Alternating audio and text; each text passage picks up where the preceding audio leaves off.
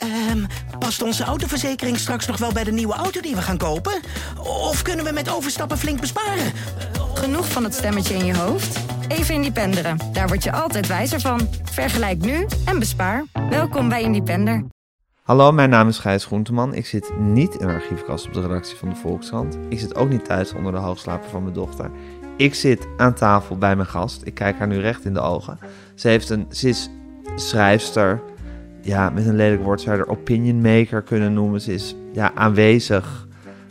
Nou, waar, waar ze aanwezig wil zijn, zou ik maar zeggen.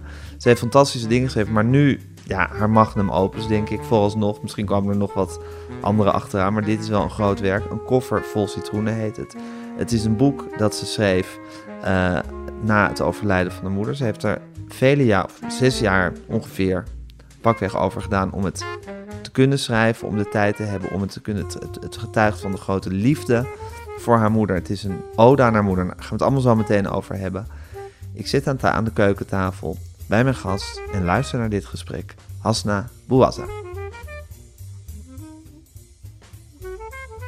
Ja, Hasna, ik zit een beetje te klooien met de microfoon, want je bent heel klein. Ja. Maar het is vaak zo, dan zijn mensen heel klein, dan zet ik die microfoon heel laag. Mhm. Maar als je dan gaat zitten, valt het toch wel mee. Want de kleinheid zit toch meestal vooral in de benen. Ja. Ja, niet in, Ja. Het, niet in het bovenlijf. Klopt. Nee, dus nu staat die microfoon eigenlijk te laag. Omdat ik Oh, dan... moet ik hem iets hoger doen? Nou, geef maar even, dan zet ik hem wat hoger. Oké. Ah, even een keertje. Dan staat hij zo ongemakkelijk voor je. Zo. Ja. Kijk niet zo recht naar voren. En we kwa- kwamen bij Zo? je thuis. Ja. Ja? Als je dan zo iets Iets- kantelt. Zo? Ja, zo is hij perfect. Oké. En we kwamen, ik kwam bij je thuis en je had gezegd, let niet op de rommel. Oh, ja. En het is hier, ja, nou, ik wil niet zeggen smet. Nou, het is hier sowieso smetteloos qua schoon. Ja. Ik dacht, misschien kom ik een beetje in zo'n soort plakkerig Oh huis. met ja, heel veel. Ja, met overal stapels kranten die Ja. omvallen Ja. en zo. En misschien nog een afwas die niet gedaan is. ja. Nee. Ik had me echt op van alles voorbereid. Ja. Maar ja, het is hier heel netjes, Nou, heel schoon. Ja. Overal stapeltjes boeken, maar heel soort, ja, keurig, geordend. Doe dit, dit vind Ja. jij rommel of, of schaam je je per definitie voor wat, mensen Ehm, aantreffen bij jou thuis? Nee, ik schaam me niet per definitie. Maar het is wel... bedoel, plakkerig, dat kan niet, hè. Dat, ik bedoel, en afwas vind je ook niet. Dat, wel- ik was religieus af. Ja. Dus ik hou niet van eh, stapels afwas. Nee, maar er, er moet gewoon nog wel meer... Oh, je hebt ook geen afwasmachine? Nee, nee, ik doe alles met de hand. Waarom? Ik heb er geen moeite mee met afwassen. En de afwasmachine duurt eeuwen voordat zo'n apparaat eh, Ja, klaar de, is. de nacht, als jij ligt Ja. te slapen. dan is het Nee. ochtends klaar. Nee, precies. Nee, ik doe het gewoon zelf met de hand. Ja, Ja, dus efficiënt. afwassen doe je redelijk, dat doe je altijd meteen Ja. even afwasje doen. Ja. En schoonmaken, dat hou je ook altijd bij. Ja, Heb je ook van je moeder geleerd? Ja, zeker. Ja. Ja. Omdat de hele tijd gewoon altijd. Ja, mijn moeder zou dit rommelig vinden, overigens. Je moeder zou dit rommelig vinden. Ja.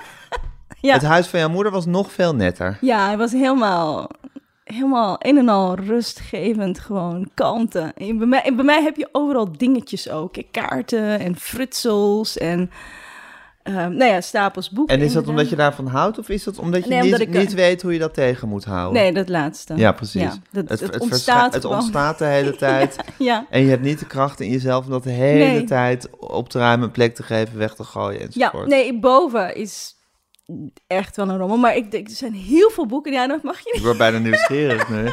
Nee, ik- er zijn heel veel boeken en waar ik echt van af moet. En, ehm, ik, ik zei ook tegen mijn nichtje, zou me komen helpen Mary Kondo. Nou, dat is nog steeds niet gebeurd. En iedere keer dan wil ik een begin maken. En Ja. dan zie ik die stapels boeken. En dan zakt de moed me in de schoenen. Dan ga ik weer naar beneden. En dan ga ik een film of een serie kijken. En dan denk ik, ja, het komt wel. Dat doe je als je jezelf wil verdoven. Als je, iets, Oh, ja. als je eigenlijk iets moet doen waar je geen zin in hebt, Ja. dan ga je een film of een serie kijken. Ja, maar wel s'avonds. Ik ben wel zo dat overdag dan moet ik gewoon werken, weet je wel? Dus ik heb, zeg maar, ik, heel soms dan, dan gun ik het mezelf bijvoorbeeld om in een weekend, op bijvoorbeeld een zaterdag of een zondag, dat ik dan overdag een film ga kijken. En dat vind ik dan zo heerlijk. Ja.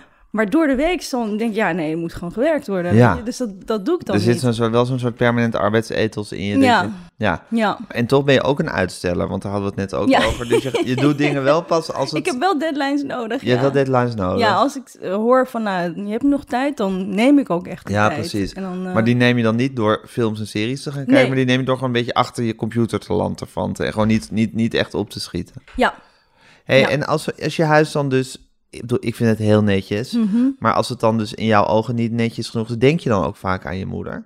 Nee, je denkt altijd, Oh, je denkt altijd denk- ja, aan je moeder klopt. volgens mij. Ja, ja. Maar is het dan, denk je dan ook van, oh, dat zou ze moeilijk hebben gevonden? Of, eh, Nou, dus hoor, dan, dan, dan hoor ik haar wel haar stem of zo. Bij Mijn tafel bijvoorbeeld, die is nu, die is nu goed opgeruimd. En Ja. dan is het een kwestie van wachten wanneer die spontaan vol zit Ja. met papier en alles. En zij vroeg me ook altijd van, eh, is je tafel opgeruimd? Maar als ik dingen doe, waarvan als ik je haar belde, vroeg ze dat? Of niet? Als je als, bij we, als we elkaar ging? spraken. Ja, is je tafel Ja, opgeruimd? is je tafel. Dan moet je, Waarom- omdat, waarom is omdat, Omdat ze dat gewoon zo grappig vond. Ze vond ze van, hoe kun jij in die rommel wonen? Hoe kun je in die rommel leven? Dat kon zij zich niet voorstellen. Maar wat ik heel erg heb, is als ik dingen doe die zij ook deed. Of bijvoorbeeld als ik opruim, dan denk ik van, ah, dit zou ze heel goed hebben gevonden. Of als ik dingen doe op haar manier, weet je, de lakens vouwen of kikkererwten pellen of, of koriander hakken. Dat doe ik op haar manier en denk ik echt van, ze zou zo trots op me zijn geweest. Ja. Of als ik alles op heb geruimd, helemaal schoon. En ik denk, oh, dit zou ze helemaal goed hebben gevonden. Want je hebt een boek over haar geschreven, een Ja. cover vol citroenen. Ja, een, een liefdesbetuiging, jammerklacht, rouwbeklag, eh, ode, ehm, geschiedenis. Ja, maar met heel veel, nou met echt alleen maar liefde voor haar erin. En eigenlijk ook dat je eigenlijk niet zo goed weet hoe je verder moet leven zonder haar. Het is zoals, eigenlijk lijkt het heel erg op, zoals, zoals mensen heel erg liefdesverdriet beschrijven. Dat die, die soort diepe, diepe emotie eh, eh, heeft het. Eh, leef je ook een beetje voor haar? Heb je dat gevoel? Ehm, oh, op die manier even leef ik voor haar. Is zij een Ja. beetje jouw maatstaf in het leven? Ja, jawel, absoluut. En ik zit even te denken. Ja, ja ze is absoluut mijn maatstaf. En ehm, ik, had, ik, ik had, zeg maar, toen ze net overleed, dacht ik van, oh, ik moet zoals zij zijn. Want ik vond haar een heel goed mens. Het was ook rustig, weet je. Ze, ik bedoel, rustig niet dat ze een soort ja, etherisch wezen was. Maar ze, was Nee. gewoon, ze had die rust in zich dat ze zich bijvoorbeeld niet liet provoceren. Of, weet je, eh, conflicten vermeten. Nu ben ik zelf Echt van die rust die jij niet hebt. ja, en dacht ik, ik moet zoals zij zijn. Dacht ik, ja, maar ik kan helemaal niet zoals zij zijn. Ik dacht, dat is onmogelijk. Ehm, maar weet je, ik was zoals ik was. En het doel, ze was dol op me zoals ik was. En wat ik wel heb is... Nou ja, ook met het boek is dat ik haar recht wilde doen. Dat was het meer ook. Ni- Niet eens zo... Ik wilde... ehm, Ik, eh, ik vind het een moeilijke vraag of ik... Ja, ja ik, weet, ik, het is absoluut zo dat ik hoop dat met alles wat ik doe, dat misschien heel ergens het toch meekrijgt en trots op me is. Ja. En nog steeds van me houdt. Dat, dat, dat, dat, dat vind ik een hele ontroerende gedachte. Een hele troostende, tegelijk ook verdrietig makende gedachte. Omdat ik dan denk, ja, maar ik wilde knuffelen. Ja. Weet je, kom, kom bij me. Maar, ja. maar ehm, daarmee is ze natuurlijk nog, nog steeds in jou ook. ja, dat, en dat is, dat is iets wat, zeg maar, in dat hele proces, dat hele rouwproces, wat, gaandeweg, wat me gaandeweg duidelijk maakt, is ze zit overal in mij. Ze zit natuurlijk ook in mijn broers en mijn zussen en zo, maar ook heel erg in mij. En dus eigenlijk, ja, ze is dus daardoor ook helemaal niet weg. Hey, en je zegt, ik wilde haar recht doen met dat boek. Ja, Maar gezien de eh, liefde van jou die je voor haar beschrijft, is het bijna onmogelijk om haar recht te doen. oh, dus je vindt niet dat ik... Nee, voor jou. Nou, bedoel, ik, ik- bedoel, ja, je, moet, ja, je moet wel echt ongeveer Shakespeare gaan schrijven. Wil je haar recht doen, gezien jou de, de, hoe Ja. hoog je haar hebt zitten. ja. En toch denk ik, of voel ik, bedoel, het is verschrikkelijk. Dat heb je nooit als, als, als de druk ervaren. Van wordt het wel goed genoeg? Jawel, zeker wel. Oké, Ik heb mezelf vervloekt tijdens het schrijven. Ik dacht, ik kan dit niet. meer dan bij al het andere wat je hebt geschreven Ja, ja, ja. Nee, dat is echt uh, onvergelijkbaar. Ik bedoel, bij het andere bedoel, er is zoveel afstand. En ehm, ik bedoel, ik vond bij Arabieren kijken, dat is al in mijn vorige boeken, nou er zitten ook eh, ehm, stukken in die persoonlijk zijn. Om zeg maar context te geven ook aan de Mhm. verhalen die ik beschrijf. En dat vond ik toen moeilijk. Ik dacht, ja, weet je, het boek gaat nu over mij, wat is er voor onzin? En nu was het echt persoonlijk. En, en nu was het zo dat ik, zeg maar, de stukken die over mij gingen, vond ik makkelijker dan over haar. Omdat ik dus die dacht, weet je, ik, ik, ik, ik, ik vond het heel moeilijk om over haar te schrijven. Ten eerste, ik bedoel, zat ik in dat hele rouwproces. En ten tweede was het ook van, ja, wat vertel ik? En hoe, inderdaad, hoe doe ik haar recht? Hoe, Ja. wat, wat vertel ik waardoor dit boek wordt wat ik eigenlijk wil, is een ode. Maar ook misschien wel dat mensen haar door mijn ogen gaan zien. Nou, dat is natuurlijk dat je, dat je, je, je schrijft dat boek en je zegt aan ons, tegen de lezer van, kijk eens wat voor fantastische vrouw dit Ja. was. Ze, ze droeg een hoofddoek, dus daarom hebben heel veel mensen niet de moeite genomen Mhm. om, eh, om, om daadwerkelijk te zien wie ze was. Ja, Ehm, het is natuurlijk ook, dat zij, ook zo dat zij geen groepsmens was. nee. Dus het is misschien iemand die zich ook een klein beetje verborgen heeft gehouden voor de wereld. Mhm. Eh, nou goed, daar kunnen we het nog wel over hebben. Maar Ja. goed, in ieder geval zeg je van... nou, bijna niemand, of tenminste lang niet genoeg mensen weten hoe fantastisch ze was. Ja, Dit is er. Kijk Ja. hoe geweldig ze is. ja, Eh, nou, en dat beschrijf je dan helemaal op een hele bevlogen en fantastische manier. dank je. Maar ja, niemand zal natuurlijk echt Nee. die liefde voelen die jij voor haar voelt. Nee, maar dat, dat geeft Ik kan denken van, oh, wat inderdaad, wat een lieve vrouw, wat een leuk mens. En wat, was, wat is ze wijs en grappig. Mhm. Maar ja, ik zal nooit... Ja, mijn moeder zal ze nooit zijn. Ze Nee, natuurlijk. Ja, ze is Ja. de mijne. En dat is ook het mooie aan moeders. Ja, Weet je, het- dat hoeft ook verder niet. Maar het is wel dat ik... Dat was wel zeg maar echt heel erg de, de, de overtuiging toen ze echt net overleed. En ik, nog heel, ik was heel lang heel verdrietig. Verschrikkelijk verdrietig. Maar wel van, oh, ik moet over haar schrijven. Want het was voor mij ook een manier om haar levend te houden. Maar ook, ik dacht... Weet je, niemand weet... Ik bedoel, als, als, je, het is, als je overlijdt en niemand weet dat je er bent geweest... dat is toch verschrikkelijk verdrietig alsof je niet bestaan hebt. En zij heeft bestaan en ze heeft haar stempel gedrukt op ons. Ze heeft ehm, ons, eh, weet je, zo fantastisch eh, opgevoed... maar ook gestimuleerd en gesteund. En ik dacht, dat, dat, moet, dat moet ik vastleggen. maar is, is niet eigenlijk het enige echt belangrijk dat je kinderen gewoon weten wie je bent geweest? En dat je, dat, en dat, je, dat, dat je goed voor ze hebt gezorgd? Nee, tuurlijk, en dat was ook hoe zij erin stond, hoor. Ja, Maar goed, dat Ja. is natuurlijk... maar jij hebt, toch, jij hebt haar- toch het hart van een schrijver Mhm, en, je- en een maker. mhm. En je vindt dat er dan ook dat er, dat er iets, iets, iets over iemand gemaakt moet worden als Ja, het verdient. Nou, over haar. Over haar, nee, Specifiek over, Over haar, haar, ja. inderdaad. Niet, ik heb het niet bij iedereen, maar bij nee, haar... maar iemand die het, verdient, die het zo erg verdient. Ja. Ja. Je denkt, het kan, het kan niet genoeg zijn als het alleen maar het leven is geweest en wij Nee. zielsveel van daar hebben gehouden. Ja, nee, dat wilde ik echt inderdaad. Ja. En dat was, neem ik aan, heel moeilijk en noodzakelijk. Ja, ik heb Hoe geleden. voelde, hoe voelde dat als je elke dag aan je... Zat je hier aan dit tafeltje Ja. te schrijven? Ja, met Zoals je net ook met die laptop die je Ja. net inklapte? Ja, dit, ja, dit is mijn eh, dit, is, dit is de plek Ja, aan de korte kant van een klein tafeltje. Ja. Met uitzicht op een weiland. Ja. En dan eh, eh, ging je... Hoe, hoe lang, hoe lang is, het, is het schrijven geweest? Dat is ongeveer zes jaar na haar overlijden. ja, het is ongeveer... Verschenen. Ja, het is ehm, ongeveer, wat is het, vijf, vijf en een half jaar. En ik bedoel, het was niet, ik was niet... eh, In 2016 is ze overleden. Een Ja. onbarmhartig jaar, zoals je ook beschrijft. ja, Waarin ook Prince en David Bowie en Ja. Leonard Cohen en nog een heleboel anderen. En ja, Rickman Mohammed noem je. Ali, Mohammed precies. Ali. Al groot. Ja. En zij hoorde, zij hoorde bij die grote voor mij. En ehm, ik ben wel in 2016 begonnen. Enig moment. Ik bedoel, ik weet nog dat een van de eerste hoofdstukken die ik schreef was over die, eh, ehm, die begrafenisondernemers. Omdat dat natuurlijk heel makkelijk was. Ja. Dus, maar dat was ook om, om, om eh, de aantekeningen te maken. Niet te vergeten wat er precies was gebeurd. En dat is, weet je, ik ben niet elke dag hier gaan zitten om me aan te schrijven. Maar eh, over die periode, die hele periode ben ik ermee bezig geweest. En, en het was gewoon heel erg moeilijk. En in het begin was het alleen maar van, oh, ik hou zo van haar, weet je wel. Dat is gewoon alleen maar verdriet wat eruit komt. En op geen enkele manier eh, bruikbaar voor het boek. Maar dat moest er gewoon uit. En het heeft echt... Dat schrijven is zeg maar parallel gegaan met het hele rouwproces. Waarin ik op het moment dat ik uit dat diepe dal begon te klimmen, dat het schrijven ook makkelijker ging. En toen, toen pas, begon ik ook plezier te krijgen in het schrijven. Dacht ik, oh ja, dit is, dit is wat ik wilde vertellen. Dit, dit, dit is waar ik heen wil.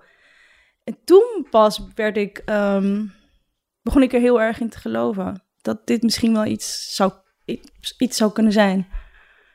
Maar nee, ik heb, wat ik zei, ik heb mezelf heel vaak gedacht, ik kan En het was niet. dus een martelgang en een soort heilige taak tegelijkertijd. Ja. Die je zelf had gesteld. Ja, Dus de eh, heilige ja. taak had je zelf gesteld. Ja, Dus dat voelde als een soort, soort ja, verplicht, een, een verplichting, maar wel iets heel noodzakelijks. ja, Dat je, dat je je gewoon aan, dat kort, aan de korte kant van dit tafeltje Ja. zette en aan de slag ging. ja. Ja, en uiteindelijk werd het dus ook een, eh, een eh, catharsis, dat schrijven. Mhm. Dus het hielp me ook uiteindelijk. Dus het, het was inderdaad martelgang, heilige Waarin plicht. heeft het je geholpen? In het, gewoon In- in, het, in het verdriet eh, kunnen dragen. In de verwerking en in het besef dat dit niet het einde is. Dat ze er nog is. Ehm, dat, weet je, ik, ik heb mezelf... Ook, Maar is het het ja. besef dat je voor kan, voort kan leven zonder haar? Of is het dus inderdaad het besef dat, dat heb je geleerd dat, dat iemands dood niet zijn of haar einde is? Dat meer. Dat laatste. Ja. Ja. En daardoor kan je, doorle daardoor kan je doorleven met dit verdriet. Ja, je hield Ja. echt heel veel van ik was nee, ja. verschrikkelijk haar. Ze was zo verschrikkelijk leuk. ja, heel veel mensen zullen misschien hun ouders verlo- verloren hebben en daar verdrietig over zijn. Maar het, van, ja, het is de gang van het leven. Ja, precies. Het was ook hun moment, of weet ik veel. Want, nou, jij vond het sowieso te vroeg voor je moeder en het was heel plotseling. Maar je hebt ook echt, het heeft echt een hele diepe wond in je geslagen. Ja, absoluut. Dat, dat, was, dat, was, eh, dat was heel moeilijk, heel lang. Ehm, Anders Oh. dan bij je broers en zussen? Nou ja, we, ik bedoel, we, we hebben allemaal, zeg maar, bedoel, we waren natuurlijk samen die eerste dagen Mhm. en weken, maar uiteindelijk het echte rouwen, dat, doe ik, dat deed ik alleen. Ja, Dat dus dat ik weet je niet of het anders is Nee, en ik hen. weet dat ze allemaal verdrietig waren, natuurlijk. Ik bedoel, ze was voor iedereen een lieveling. Ehm, maar ik, ik, ik vermoed haast dat het anders... maar Weet je, ieder had zijn eigen band met haar en haar eigen band met haar. Mijn zussen en zo. En ik was... En ik had mijn band met haar en die was heel... eh, voor mij was die... ehm, je, ik, het idee dat zij op een dag weg zou vallen, daar, daar, moest ik, daar werd ik al verdrietig van, terwijl ze er gewoon nog was. En ehm, dus dat was iets waar ik heel bang voor was. Maar ik, en ik weet ook dat toen ze, toen ze overleed en ik was terug van de begrafenis in Marokko en ik ging werken. En mijn dagen begonnen met een telefoontje naar haar. Goedemorgen. En mijn dagen eindigden ook daarmee. Als ik klaar was met werken, belde ik altijd eventjes in de auto. Hoe is het? Weet je, hoe was de dag? Heb je nog iets gedaan? Is er nog nieuws? En dat zijn hele kleine dingen. Mhm. Niks wereldschokkends, maar dat Nee. waren dingen die heel belangrijk waren. En die eerste week dat ik ging werken, dan ging ik, was ik alleen maar aan het brullen van verdriet in de auto. En dan kwam ik aan op het werk en dan stond mijn gezicht weer helemaal normaal. Waren mijn tranen gedroogd. Was ik klaar aan het einde van de dag, stapte ik in en dan ging ik weer echt Ja, brullen. krijsen, ja, en brullen om haar. Van, ik kan het niet. En ik heb ook heel erg in het begin het gevoel gehad, ik, ik kan het niet zonder haar. Ik, ik raakte dan in paniek. Dacht, ik, weet je, gewoon dat je fysiek voelt, ik kan niet zonder haar verder zo. Maar het, ja, het leven is zo dat je gewoon doorgaat. Je, je blijft doorademen en je wordt wakker. ben je gebouwd hè, als ja, mens. Ja, ja, dus ehm, ik weet niet eens waar we mee begonnen en dat ik dit nu vertel, maar dat, het, niet dat verdriet, dat was, dat was enorm. En, en er was één vriendin die tegen me zei, die zei, ja, maar je mama die is weggegaan. En ik zei nooit mama, het was bij mij altijd moeder. Maar ze zei van, ja, ze is weggegaan op het moment dat ze, dat ze weet dat je, dat je er klaar voor bent, dat je het aan kan. En daar had ze eigenlijk ook gelijk in. Dacht ik, ja, dat is ook zo. Bedoel, ze heeft me niet al die jaren ben ik bij haar geweest om nu totaal hulpeloos te zijn. Ik bedoel, ik, ben, ik was natuurlijk ook zelfstandig en onafhankelijk en al die, weet je, al die, je, geëmancipeerde en feminist, bla bla bla. Ja, maar heb je dan niet wel heel veel betekenis aan de dood? Of tenminste heel veel logica daaraan? Logica, ja, nee, dat, nee, dat is, nee. Ik bedoel, ik denk dat het enige logische aan de dood is ah, dat Je het kan gebeurt. ook pech hebben en je moeder gaat dood als je vijf bent. Precies, precies. Dat is verschrikkelijk. Ja, dat gun ik niemand. Nee. Ik bedoel, iedereen Ik bedoel, er zijn ook mensen met... eh, ik ben nog een collega die, die me vertelde van dat haar moeder verschrikkelijk was. En echt heel naar tegen was. Nou, dat, ik bedoel, dan, ik denk dat, dan treur je denk ik minder om, Ja. om het verlies. Ja. Of op een andere manier, Nee, denk maar omdat je zegt van ze heeft me verlaten op het moment dat ik er Ja, klaar voor nee, was. bedoel, ja, gaat- was, was het maar zo dat je je, maakt er een verhaal van. voor Precies, je maakt er een verhaal van om troost te vinden. Om door te gaan, om er eh, iets van begrip uit te halen. Of, of kracht of whatever. Maar dat is wat je doet. Ja, Zoals je volgens mij ook als een, een, als een geliefde je verlaat, je hebt liefdesverdriet, dat je ga je ook van alles bedenken en rationaliseren. nou, het hele En- leven, hè? Ja. Maak je verhalen van Ja. om, er, om er maar enig... eh, om, om te denken dat er logica Ja. in zit en, en reden. Ja, Ja. ja. Mhm. Terwijl je ook weet dat het onzin is. ja. Maar dat is ook een beetje noodzakelijk ja, om, om gaande te blijven. ja. Ja. En ik, ik, ik zeg dan niet, dat is onzin. Ik, ik, eh, het is goed zo, denk ik. Het klopt helemaal. Je wil niet geloven dat het onzin is. Nee, dat vind, ik, dat vind ik zo hard en cynisch. Nee, ik wil erin geloven. Nou ja, hard en cynisch. Ik bedoel, eh, er gebeuren toch de hele tijd vreselijke dingen ja, op de nee, wereld. absoluut. Ja, als, als, het, als het allemaal een reden had, dan... dan, dan Oh, dat is nee, pas- nee, maar dat is pas hard, Ik vind het pas hard en cynisch om te denken dat het een reden heeft, eerlijk Nee, gezegd. nee, nee, maar dat denk ik. Nee, maar, dat, nee, maar dan begrijpen we elkaar verkeerd. Want dat denk ik niet. Ik denk niet dat als iemand op, op zijn vijfde zijn moeder verliest, dat dat een reden heeft. En dat, Nee, maar daarom zeg ik, ik vind het eigenlijk hard en cynisch Ja. om te denken dat het, dat het een reden heeft. Want dan Ja. is, heeft het ook een reden als er, ja, als er onrecht je hebt- gebeurt. nee, je hebt gelijk. Weet je, het is gebeurd, maar wat het je doet... En, wat je, doet voor jezelf is je maakt er een Ja, verhaal van. Precies, Ja. ja. ja, dat is het. Ja. Heb je ook in die, tijdens het schrijven van het boek hè, en die catharsis of die Mhm. loutering die je hebt, eh, heb je ondergaan, heb je ook, ehm, ben je zelf ook beter gaan begrijpen? En Mhm. waarom je zo gebouwd bent dat je zo'n symbiotisch of zo'n zo'n zo'n hechte band met je moeder had? Ja. Ja, ik denk wel dat ik mezelf beter ben gaan begrijpen of kennen. En ik heb natuurlijk ik, heel, ik heb natuurlijk een beetje veel nagedacht over die band. En waarom die anders was. En ehm, ik heb daar natuurlijk geen... ehm, Eensluidend antwoord nee, op. precies. En Nee. ook misschien is, is, is als, als je het haar zou vragen, zou er misschien een andere reden voor zijn. Maar ik denk dat het ook te maken heeft met het feit dat ik was natuurlijk de jongste. En eh, zij heeft ehm, mijn eh, vier broers en twee zussen. We zijn met zeven kinderen. Ehm, heeft zij die eerste jaren in Marokko eh, en in de tijd dus ook toen ik werd geboren alleen opgevoed, want mijn vader was hier. Dat is heel zwaar. Het was financieel zwaar. Ja, gewoon de werklast die je hebt alles, is zwaar. precies. Ze moest alles in haar eentje Ja. doen. En terwijl mijn vader hier was, en hij stuurde natuurlijk wel pakketten en, en geld en zo, maar toch moest ze alles alleen doen. Ja. Dus ze was toen ook heel streng. Ze was ook jonger. Het was overleven voor haar. Hoe oud was zij toen jij geboren werd? Eh, Oeh, even kijken. Dat zijn van die dingen waar ik nooit, zeg maar, jaartallen. Ik bedoel, eh, ze is van, ze was, ze is van 42 en ik ben 73, dus Dan was ze 39. 29. 39. 40. Ja, nee. 29. Jij, jij, bent, jij bent, sorry. Jij bent, 29. daar- ja, maar je bent de jongste toch van de ja, zeven? ik ben van 73 en zij is geboren in 42, dus ze was oh, ja, 29. 22. Ja, oké. 29. Ja, Ehm, dus het was toen voor haar overleven. ja, ja. En ik was, eh, nou ja, een nakomelingetje. En we zijn naar Oké, dus je krijgt op, negen, op je 29ste ook even gedacht, hè? Je zevende kind en dan ben je een nakomelingetje. Hm. Ik ben een nakomeling, ja. ja. Moet je nagaan dat ze dus 29 was. ja. De leeftijd waarop veel Nederlandse vrouwen ja het nou was natuurlijk een andere tijd, zo langzamerhand aan hun eerste kind beginnen te denken. Ja, Ja. ja, En dan kreeg zij haar zevende kind en dan was ze een nakomeling. Dus dan Ja. was ze al echt was al laat, ja, zou ik maar zeggen. Ja. ja. En, ehm, en we zijn dus toen naar Nederland verhuisd. Mhm. En in Nederland werd het natuurlijk het leven comfortabeler, minder hard, weet je. Mijn vader werkte en zij zorgde voor ons. En er was comfort. Ik bedoel, als je het vergeleek met Nederlandse gezinnen, hadden we natuurlijk heel weinig. Maar mijn vader werkte gewoon in de fabriek. Nou, en het was sowieso ook koud.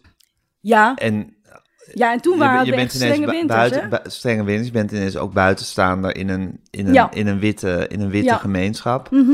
Ehm, dus dat comfort is natuurlijk ook, ook wel betrekkelijk. Ja, nee, dat is, dat is ook zo. Maar ehm, zij gingen daar weer anders mee om dan bijvoorbeeld ik als kind. Ik, ik vond het verschil heel eh, heftig. Ja, En ik voelde dat ook als kind. ja. Ik werd ook anders behandeld.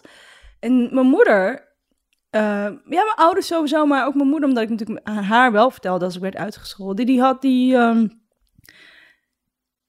weet je, die wist wie zij was.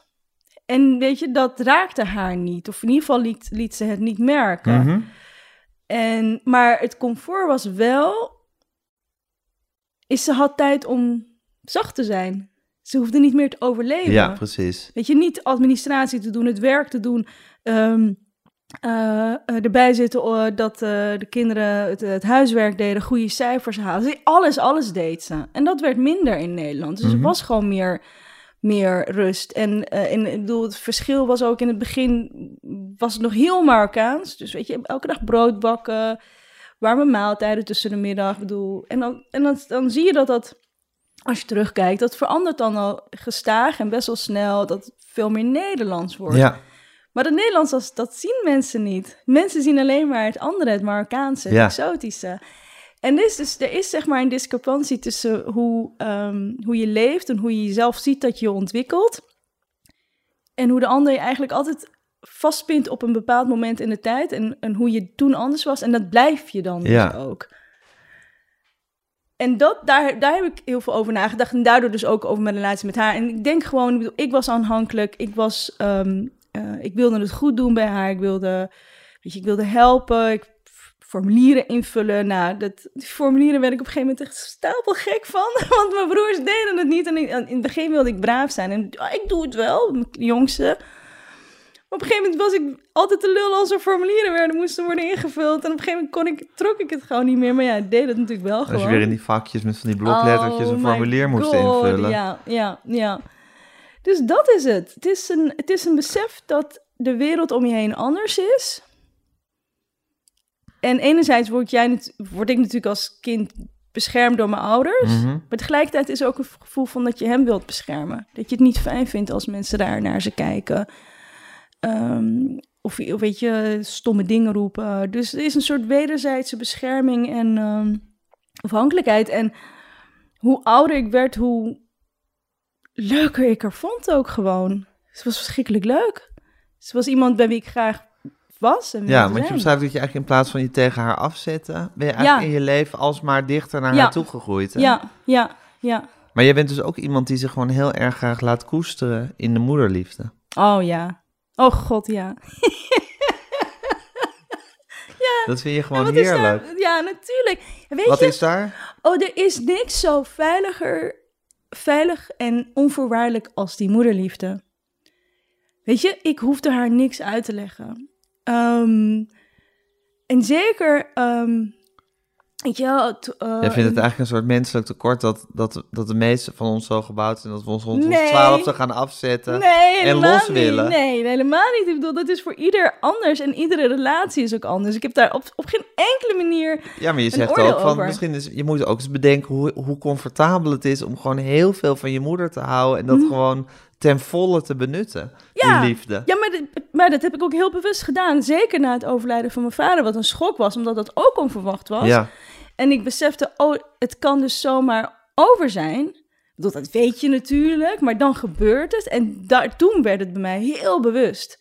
Heel bewust eh, dat, ik, dat ze echt, echt moest weten hoe verschrikkelijk gekke kopper was. En, Ja, en dat jij het ook helemaal in je opnam. Want Ja. het is, ik bedoel, zij moest weten dat je gek was, maar jij, jij liet die liefde ook helemaal eigenlijk je grote liefde zijn. Ja.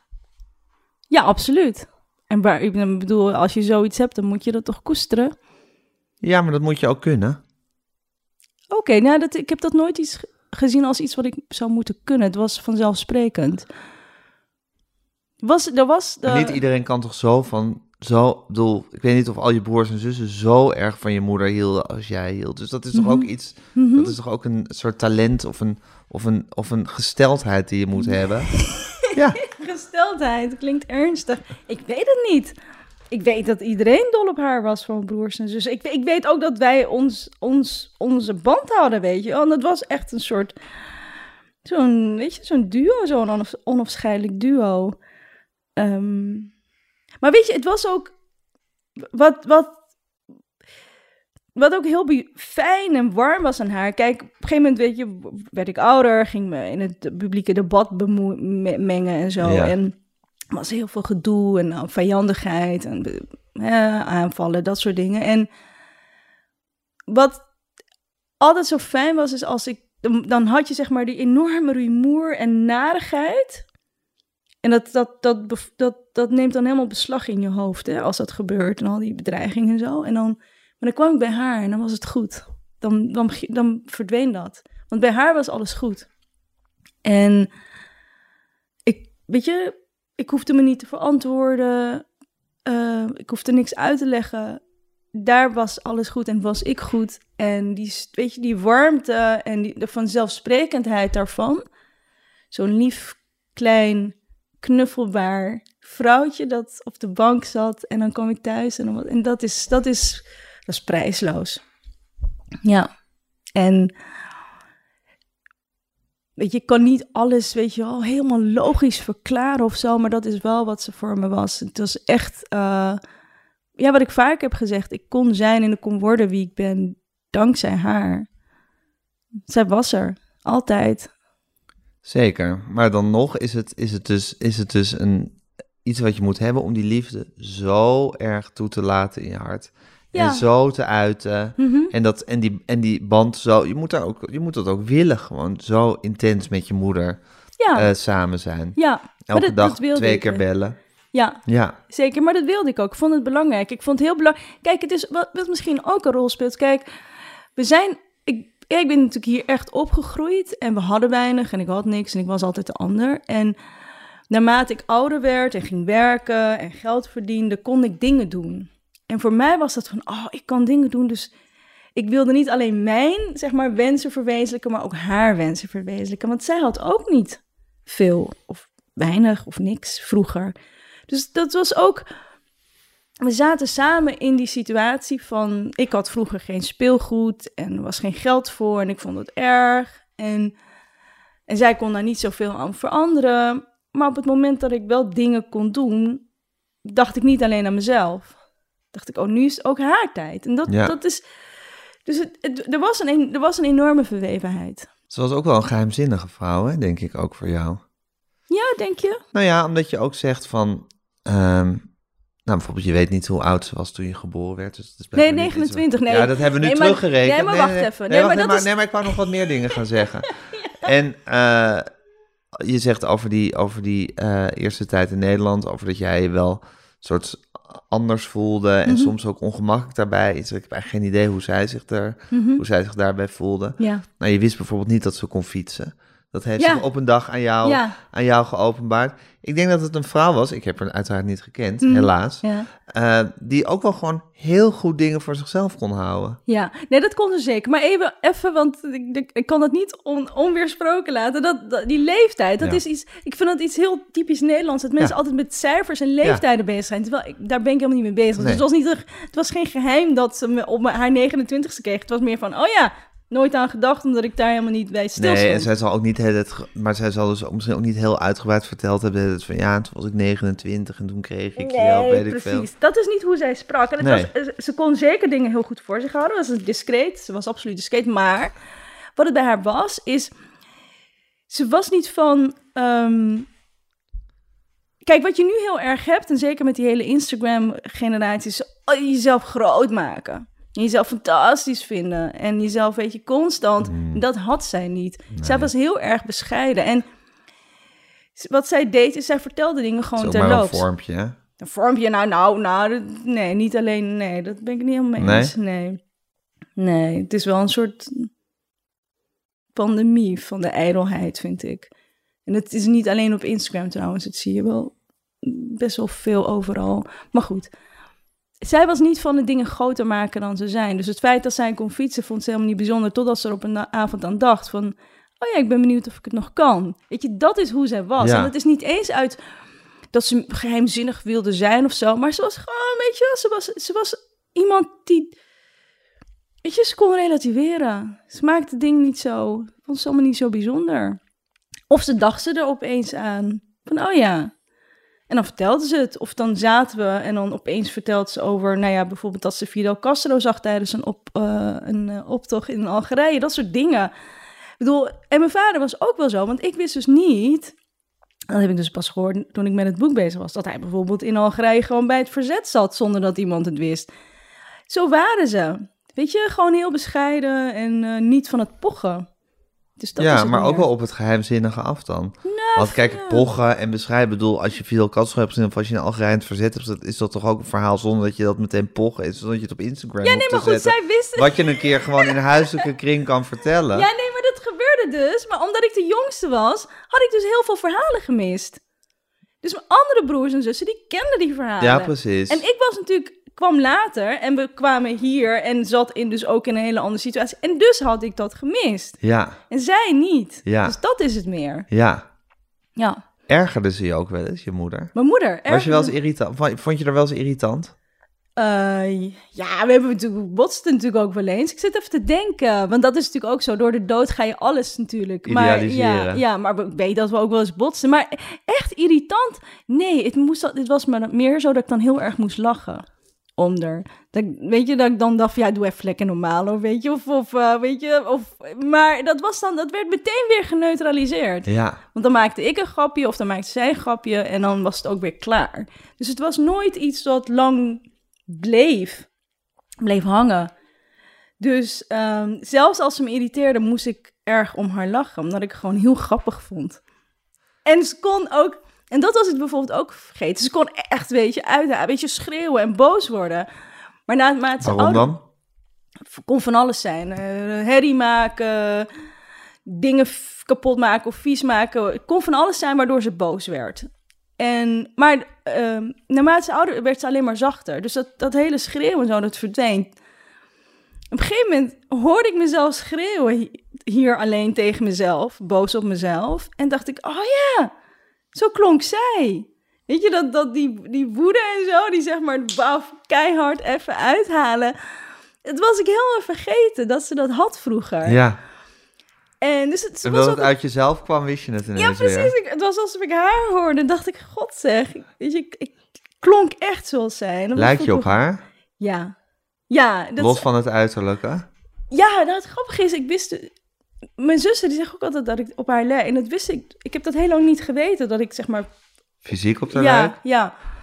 Maar ik, ik lijk op haar. Ik lijk ook steeds meer op haar. Dus ik... ehm, en dat, zeg maar... Ik ontdek steeds meer dingen. eh, die gewoon onmiskenbaar zij zijn. Wat dan? Nou ja, de lach. Eh, nou ja, het- de, de, de woede-uitbarstingen die ik dan heb. Ja. Ehm, eh, nou, de manier waarop dingen... Nou ja, is hele kleine dingen. eh, de manier waarop mijn lippen meebewegen als ik de koriander hak. Dat had zij. En als, hoe mijn lippen zich samentrekken als ik citroen pers. Dat had zij ook.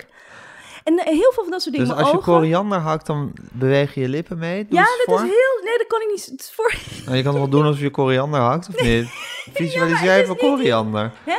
Visualiseer even koriander. Nou ja, het is iets wat heel, ik zeg maar, dat moet ik zeg maar in, in ik weet, het is gewoon dat je, ik kan het niet zomaar nadoen, omdat het, omdat het zeg maar eh, onbewust gebeurt. Oké.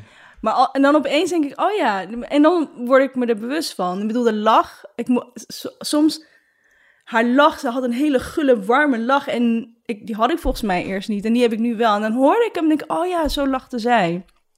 Wat ik ook heb van haar, is de zelfrelativering en de zelfspot. En niet jezelf niet zo belangrijk maken en niet zo serieus nemen. Dat vind ik ook fijn. En ook, en dat klinkt, dat weet ik, klinkt raar voor iemand die ook opiniestukken schrijft en zo. Maar het conflict vermijden, dat heb ik ook. Maar zeg maar in relatie tot mensen. Ja, precies. In het dagelijks leven ben je conflictvermijdend. Absoluut. En Ja. dan laat ik het ook opkroppen, opkroppen totdat het niet meer kan. Maar dat, zij was heel conflictvermijdend. Ja, en tegelijkertijd ook heel principieel, denk Ja. ik. Net zoals jij dus. Ja. Ja. Ja. Ja. Maar gewoon in het dagelijks verkeer Ja. geen ruzie maken. Nee, nee, hou ik echt niet van. En- Nee. En dat doe ik dus ook niet. Maar het is wel zo dat dat is dan ook weer niet goed. Dus als je het op laat kroppen, dan wordt het iets onbeheersbaars, weet je wel, soms. En denk je dat je een, vind je dat je een goede dochter voor haar bent geweest? Goed Zij- genoeg? Eh, ja, weet je, je, uiteindelijk denk je altijd dat het nooit genoeg is geweest. Ik heb ook wel eens nagedacht van, had ik bij haar moeten blijven wonen? Maar ik denk, ja, wat je ook doet, het is nooit genoeg. Maar ik de- zij Ook een was... beetje sneu als je dochter altijd bij je blijft wonen. Ja, daarom. Los dat het heel gezellig is, maar als ouder wil je toch ook zien dat je kind gewoon uitvliegt. Ja. Dit is natuurlijk ook hoorbaar. Dus dit Ja, dat is allemaal hoorbaar. Nee, het is verschrikkelijk. Dat mensen de mensen weten nu dat je je neus gesnoten hebt. Dit is chronisch. Sorry. Wat is Eh, chronisch? Ben je eh, chronisch neus. verkouden? Een Ja, het is een soort allergie. soort permanente hooikoorts heb je. Ja. Maar het is wel zeg maar echt in Nederland. Als ik in het buitenland ben, heb ik er veel minder last van. In elk buitenland. Of in Marokko. Nee, elk buitenland. Dus, Dus- ook in België heb je daar minder Nou, last van. België, dat is geen echt buitenland. Nou ja, maar goed, zeg maar meer van- mediterrane. nee, dan dacht ik het is psychosomatisch. Ja. Maar het is, maar het is, is maar ja, als je in een ander klimaat bent ja, dan in klimaat, Nederland. weet, weet, weet je, Azië, Zuid-Amerika of, of inderdaad... eh Waarom woon je nog in. Nederland? het is thuis. Maar als je dat als altijd die verkoudheid hebt, Ja, heb je geen nou zin ja, om de is- wereld lekker te gaan. eh, Ook zou, maar ja, goed. eh, ben je reislustig? Oh ja, ik ben Ja? dol op reizen. Verschrikkelijk dol op reizen, ja. Heb je ooit in het buitenland gewoond? Nee, helaas niet. Ik had het heel graag gewild toen ik klaar was met mijn studie. Waarom heb je het niet gedaan?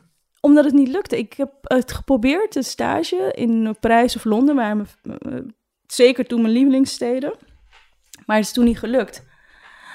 En, en nu zie ik dan allemaal jonge mensen die dat wel. En denk ik, oh, ik had het ook Vind zo- jammer? Ja, dat had ik heel graag gewild. Absoluut. Lijkt me fantastisch. Ja. Ben je eigenlijk een, een in wezen gelukkig iemand? Ehm oh jeetje, ja, dat is van, van die dingen waar ik helemaal niet over nadenk. Van, Dat kan je dan nu toch even doen? Ehm, ja, ja, dit, ehm, ik, was, ik was gelukkiger toen mijn moeder er nog was, maar ja, Ja, want zij maakte jou compleet. zeker. Maar Maar toen heb je dat boek geschreven en dat was nodig om, Ja. om te begrijpen hoe je kon functioneren Ja. zonder haar. ja, ja ik, ja, ik heb ook niet heel veel nodig, denk ik, om gelukkig te zijn. Verre reizen, luxe hotels, restaurants. en daarna heel erg blut, blut zijn. Daar hou je allemaal heel erg van. Oh, Van verre reizen en luxe hotels. Ja, ja, maar en goed. dure niet- restaurants. Ja, nou, nou, dat is, ik maak natuurlijk een grapje, maar ik, Ja, ik maar hou wel ook heel erg van restaurants. En ze hoeven trouwens niet duur te zijn, maar Wel goed. ja, ze moeten wel goed Ja. zijn. Ja, ik, ik word, n- niks maakt me zo zagrijnig als naar een Slecht restaurant gaan. Ja, god zeg, rot op. En dan moet je daar nog geld voor neertellen ook. Hou ik niet van. Nee, als ik ga, dan moet het goed zijn. Ja, Ja. Maar, ehm, ja. maar je bent niet iemand die het zichzelf moeilijk maakt. Oh, Met ingewikkelde gedachten of eh, zelfhaat of weet ik veel. Ah, jawel. Ingewikkelde gedachten, denk ik. Volgens mij heb ik daar genoeg van. ik kan het mezelf wel moeilijk maken, zeker wel. Ik kan ook heel streng voor mezelf zijn. Waarover? Over van alles. Dan ben ik boos op mezelf. Dat ik dingen niet goed aanpak. Of, ehm, Gaat dat de hele dag een beetje door in je hoofd? Het kan me wel... Het kan me wel... Terechtwijzingen over hoe je alles doet. Ja, dat kan, dat kan wel, ja. Als ik, eh, soms denk ik van, je moet niet zo streng zijn voor jezelf. Of dan zegt een vriendin van, je moet niet zo streng zijn voor jezelf. Dan denk ik, ja, dat is waar. En dan doe ik het toch wel. Maar... En waar ben je dan bijvoorbeeld streng over? Oh joh, van alles. Ik weet je, de minste dingen, als ik opeens dan moet ik denken aan iets wat ik dan, weet je, twintig jaar geleden heb gezegd, dan, en dan word ik echt getergd door, door spijt en schuldgevoel. En dan, en dan denk ik, maar weet je, dat, dat, dat slaat nergens op. Ik kan, ik kan dus dingen die ik doe groter maken, om mezelf dan te kwellen met dat Ja. had ik niet moeten doen. Ik had het anders moeten aanpakken, en, maar dat heeft allemaal geen zin. Maar goed, ik doe het nee, toch wel. had alles maar zien wat je deed. Ja, precies. Ja, het zal makkelijk zijn het leven. Ja, precies. En dan valt je weer iets in wat je twintig jaar gezegd hebt. Ja. Of een, een ongemakkelijke ontmoeting of een ruzie die je met iemand hebt gemaakt over iets. En dan denk je, en dan ga je jezelf zitten gezelen Ja. over waarom je dat toch gedaan Ja, hebt. precies. En dan heel lang. Ik weet ook nog dat ik ooit één, één opmerking maakte tegen mijn zus, inderdaad, twintig jaar geleden. En, en dat, die bleef me achtervolgen. Dat ben je voor trut. Waarom heb je dat gezegd? En het bleef me maar achtervolgen. En op een gegeven moment heb ik, heb ik tegen haar gezegd, weet je nog, toen en toen en toen. En ik heb daar zo'n spijt van. Ze wist helemaal niet waar ik het over had. ik kan me helemaal niks van herinneren. Ik zeg, ze doet niet zo raar. Zo is het, hè? Ja, Ja. Ja. En je kan jezelf gek mee maken. Helemaal. Ja. Slaaploze nachten en dan is er niks aan de hand gewoon. Ja. Besprak je dit soort dingen met je moeder of niet? Eh, ja, ja, ja, bedoel, ja, nee, absoluut. Ik bedoel, ze kende natuurlijk mijn, mijn, mijn uitbarsting en alles. En, dan- maar dat was ook wel weer grappig. Dus als ik het aan haar uitsprak en zei van, nou weet je, dan zei zij van, nou, niks aan de hand. Of, eh, of, of ze hoorden het aan of ze zei, of dan zegt ze van, nou ja, maakt toch niet uit of laat het los. Dan was het ook goed. Want zij was zeg maar mijn, eh, dan was het ook goed als zij zei van, nou, niks aan de hand. Want dan dacht ik, oké, dus dan is er ook niks aan de hand. Of Ja. dan kan ik het loslaten of moet ik het loslaten of moet ik er niet zwaar aan tillen. Kon van alles zijn. En dan, als zij dan, zeg maar, haar eh, moederlijke... Maar zij was dus ook een hele kalmerende factor voor, Ja. die, voor die hele strenge geest van jou. Ja, ja, ja, zeker. Voor die, zelf, voor die beetje zelfkwellende geest. Ja, absoluut. Dat kon zij tot rust brengen. Absoluut, absoluut. Als enige misschien wel. Ja, Dus misschien was je daarom ook een beetje in paniek toen ze doodging. Ja, je dacht, wie moet, nu, wie moet mij nu tot, tot rust brengen? ja, ja, het is niet eens dat ik zeg maar één op één een link legde met op, Nee, op dat maar- rust, maar wel... Ja, zij- dat je die wie- kalmerende er factor in je precies, leven nodig had. Ja, ja. En nu is het kalmerende factor mijn zus bijvoorbeeld. Mijn oudste zus. Die heeft die rol overgenomen. Ja, dat ging en die had ze daarvoor niet, voordat je moeder overleed. Nee, dat was, nee, ze was wel altijd een lieve zus. En Ja. ook een hele discrete zus. En weet je, oh, bij- aan wie je alles kon toevertrouwen. Maar mijn moeder was degene bij wie ik dat soort... eh, bij wie ik zeg maar alles, alles open en bloot eh, ehm, kon neerleggen. Maar eigenlijk ging dat heel erg heel soepel vanzelf, vanzelfsprekend met mijn oudste zus. Dat ze, mijn moeder viel weg en die dagen, eerste dagen in ons huis... ehm, Weet je, was zij degene die ging koken? Was zij degene die zeg maar de boel bij elkaar hield en we kwamen bij haar? Zo, weet je wel? Dus het, was, het was, ging, ging heel soepel. En, en dat, dat was gewoon zo. Ja. Dus nu, nu heeft zij die rol. Ja. Het is wel grappig dat je ouders, eh, wat je zegt, geen opscheppers waren. En mensen die gewoon niet de hele tijd maar over. Terwijl toch uit jullie gezin, jij bent een publieke figuur. Mhm. Je broer eh Hafid was een publieke figuur. Mhm. Eh, je hebt een zus die hoogleraar is in de scheikunde. Ja. Die is een publieke figuur. Ja. Nou, ik weet niet welke van de zeven nog meer zich zo in het openbaar... Ja, de- ja, ja, ja, nog een broer die, die kunstenaar is. Ja. En, eh, en, en ze vroeger maakte ze muziek, hè, met zijn... eh, Maar grappig dat er dus zo Ja. veel mensen zijn die zich zo uiten Ja. eh, in het openbaar. Ja. Heb je dat, ik bedoel, je haalt het aan in je boek, maar kan je dat analyseren? Waarom, hoe, de- hoe dat kan? Nou, hoe dat kan, weet ik niet. Maar wel dat het gestimuleerd werd om iets te doen en iets te bereiken. Ja, maar je En- kan iets en doen ook- en je kan het bereiken, maar je kan je ook uiten. Ja. Ja, ik, dat werd ook gestimuleerd toen we zeg maar nog maar vroeg, toen maar die eerste jaren eh, in Nederland waren, toen hadden mijn broers een band. Alle vier de broers. En eentje die haakte op een gegeven moment af, die had geen zin meer. En omdat hij veel minder van in het publiek, Ja, publiek, publieke domein wil zijn. En dat hebben ze best wel wat jaren volgehouden. Dus dat, dat creatieve, en ik denk dat met creativiteit van zo best wel daar vanzelfsprekend Precies, uit. dat ja. je uit. Dat werd altijd heel erg aangemoedigd. Ja. En ouders waren er ook trots op. En eh, het, het, het zichtbaar zijn. ehm, dus houdt ook in dat je hoge cijfers haalt. Dat je diploma's haalt. Dat je doctoraal haalt. En dat is iets waar zij. eh, ehm, wat zij heel, heel erg, heel erg aanmoedigden. En ook trots op waren. Dus ik bedoel dat die trots, daar gaven ze ook uiting aan naar ons. Dus ik, ik bedoel, het is natuurlijk ook zo dat zij zijn gewoon in een hele andere tijd opgegroeid. In een hele moeilijke tijd. En zij hadden niet alle kansen. Eh, zij hebben wel van alles geprobeerd. Ik bedoel, met mijn vader ook met die winkeltjes. Dus ik bedoel, er was heel veel ondernemerschap. ja. Ehm, en dat, dat, maar datgene wat ze niet konden doen, De weg voor hem was gewoon nog veel langer. ja, en Ja. voor ons was die veel korter. En Ja. zij hebben die weg verder vrijgemaakt. Voor jullie geplaveid. Ja. Ja. Hoe was het voor jou toen je broer overleed? Dat was verschrikkelijk. Dat was, dat was, dat was verschrikkelijk. Dat, ehm, ik kan daar niet, ik, want ik ga dan huilen, dus ik ga er niet heel lang over hem hebben. Maar het, wel, het, is, het, het is altijd onverwacht. En hij. eh, Ondanks dat het een dood was die zich voor veel mensen had aangekondigd. ja, en dan denk ik, ja, maar dat is voor jullie, dat is niet voor ons. Het is heel makkelijk voor een ander zeggen, ja, om er aan te komen. Dan denk je, hou je bek. Dit is, weet je, is mijn broer. En hij, ik bedoel, hij heeft natuurlijk vaker in het ziekenhuis gelegen. En En ik, weet je wel, ik heb heel lang heb ik me afgevraagd, mijn, mijn ouder- de dood van mijn ouders was heel onverwacht. En ik heb me heel, en het was heel schokkend. En ik heb me heel lang afgevraagd, wat is beter?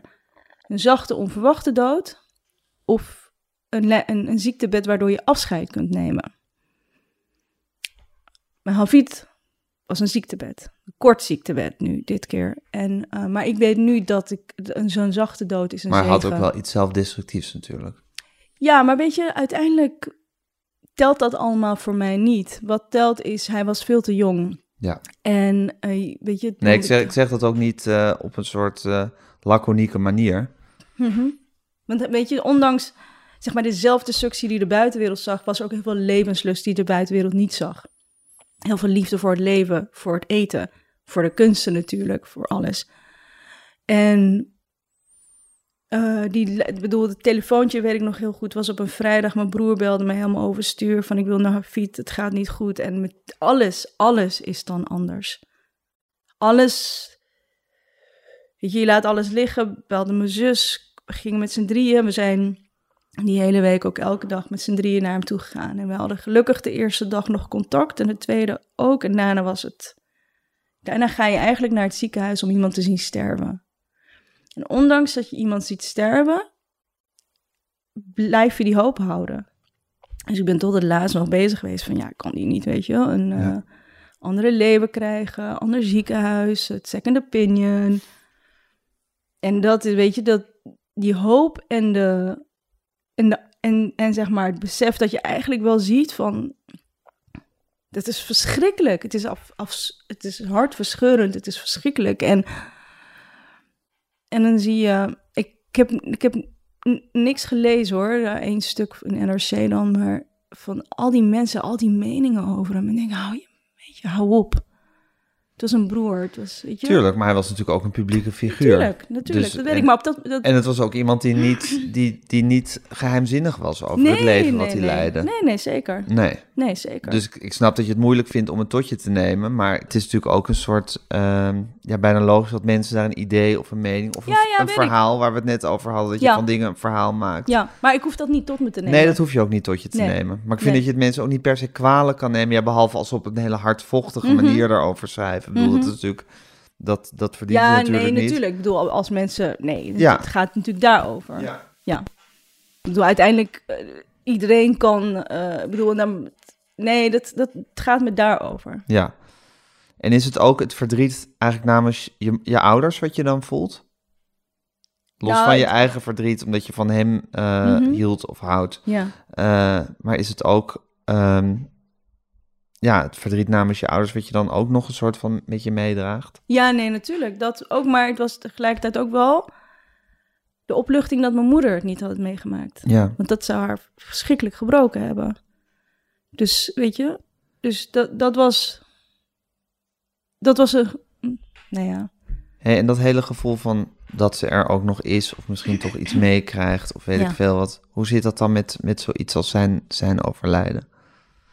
Ja, nee, dat, dat heb ik natuurlijk met hem precies zo. Nee, maar ik bedoel met dat, of zij dat dan, Oh, dat, dat ze dat of mee. ze nog ergens een, Ja, ja, ja, ja. Nou ja.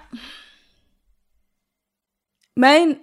Want ik hoop, ik heb je ook wel horen zeggen, ik hoop dat ze nog ergens samen Ja, precies, dat is mijn. achtig, die, dat soort, zo'n soort gedachte. Ja, ja dat, dat is ook zeg maar het slot van mijn boek. Dat ze Ja. samen zijn in het huis in Oezda. Precies.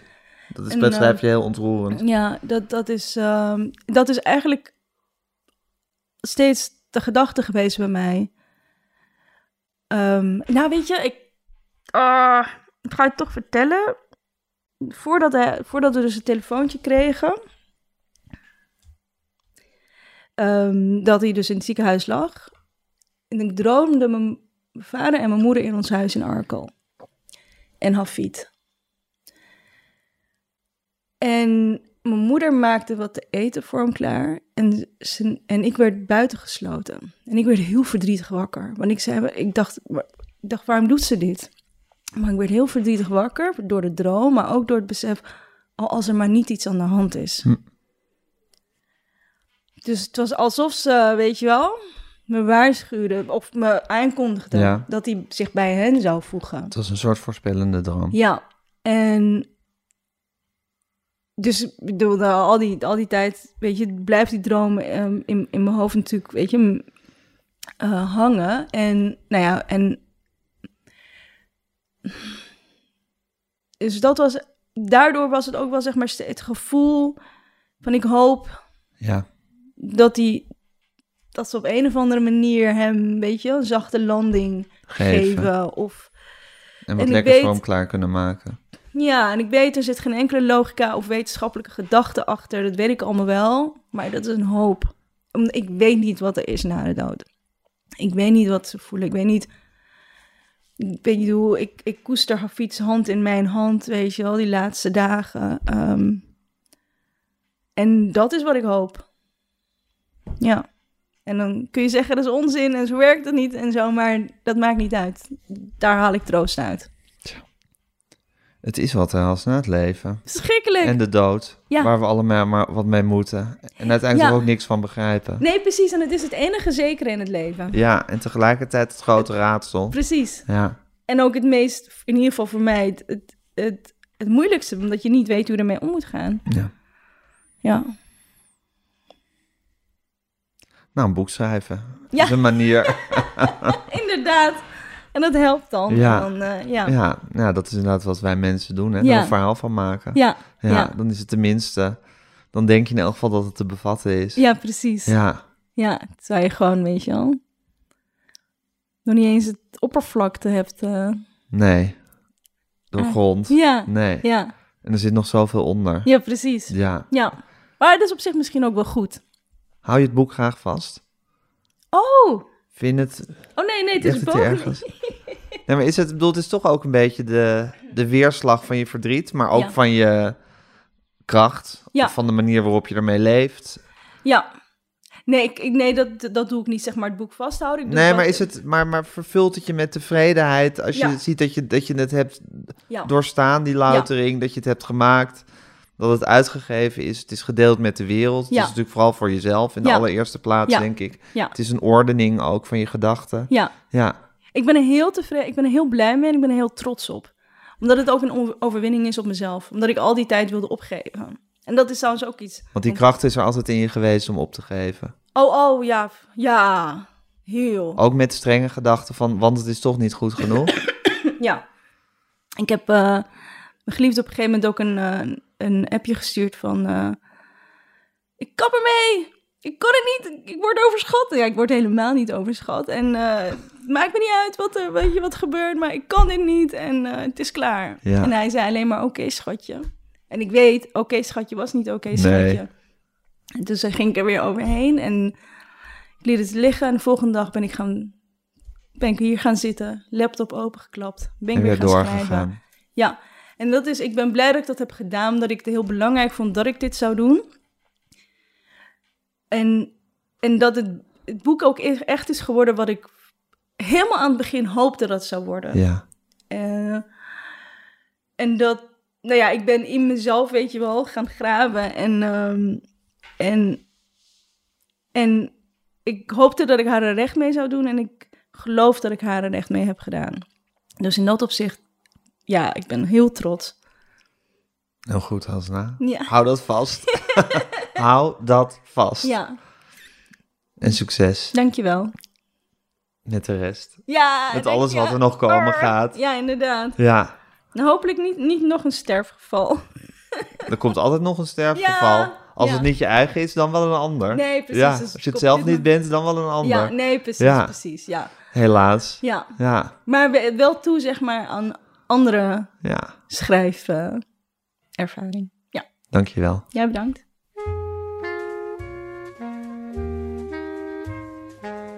Dit was Met Groenteman in de Kast met Hasna Bouassa. Mijn naam is Gijs Groenteman. Ik maakte deze podcast samen met Daan Hofstee. U kunt zich abonneren op alle mogelijke manieren. U kunt ons een mailtje sturen, podcasts.volkshand.nl. Volg ons op Instagram, @metgroenteman. En vooral, geef ons lekker veel sterretjes.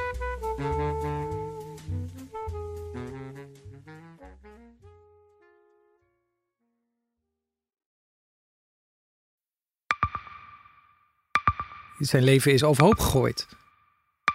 Plus dat heel veel mensen hem niet geloven.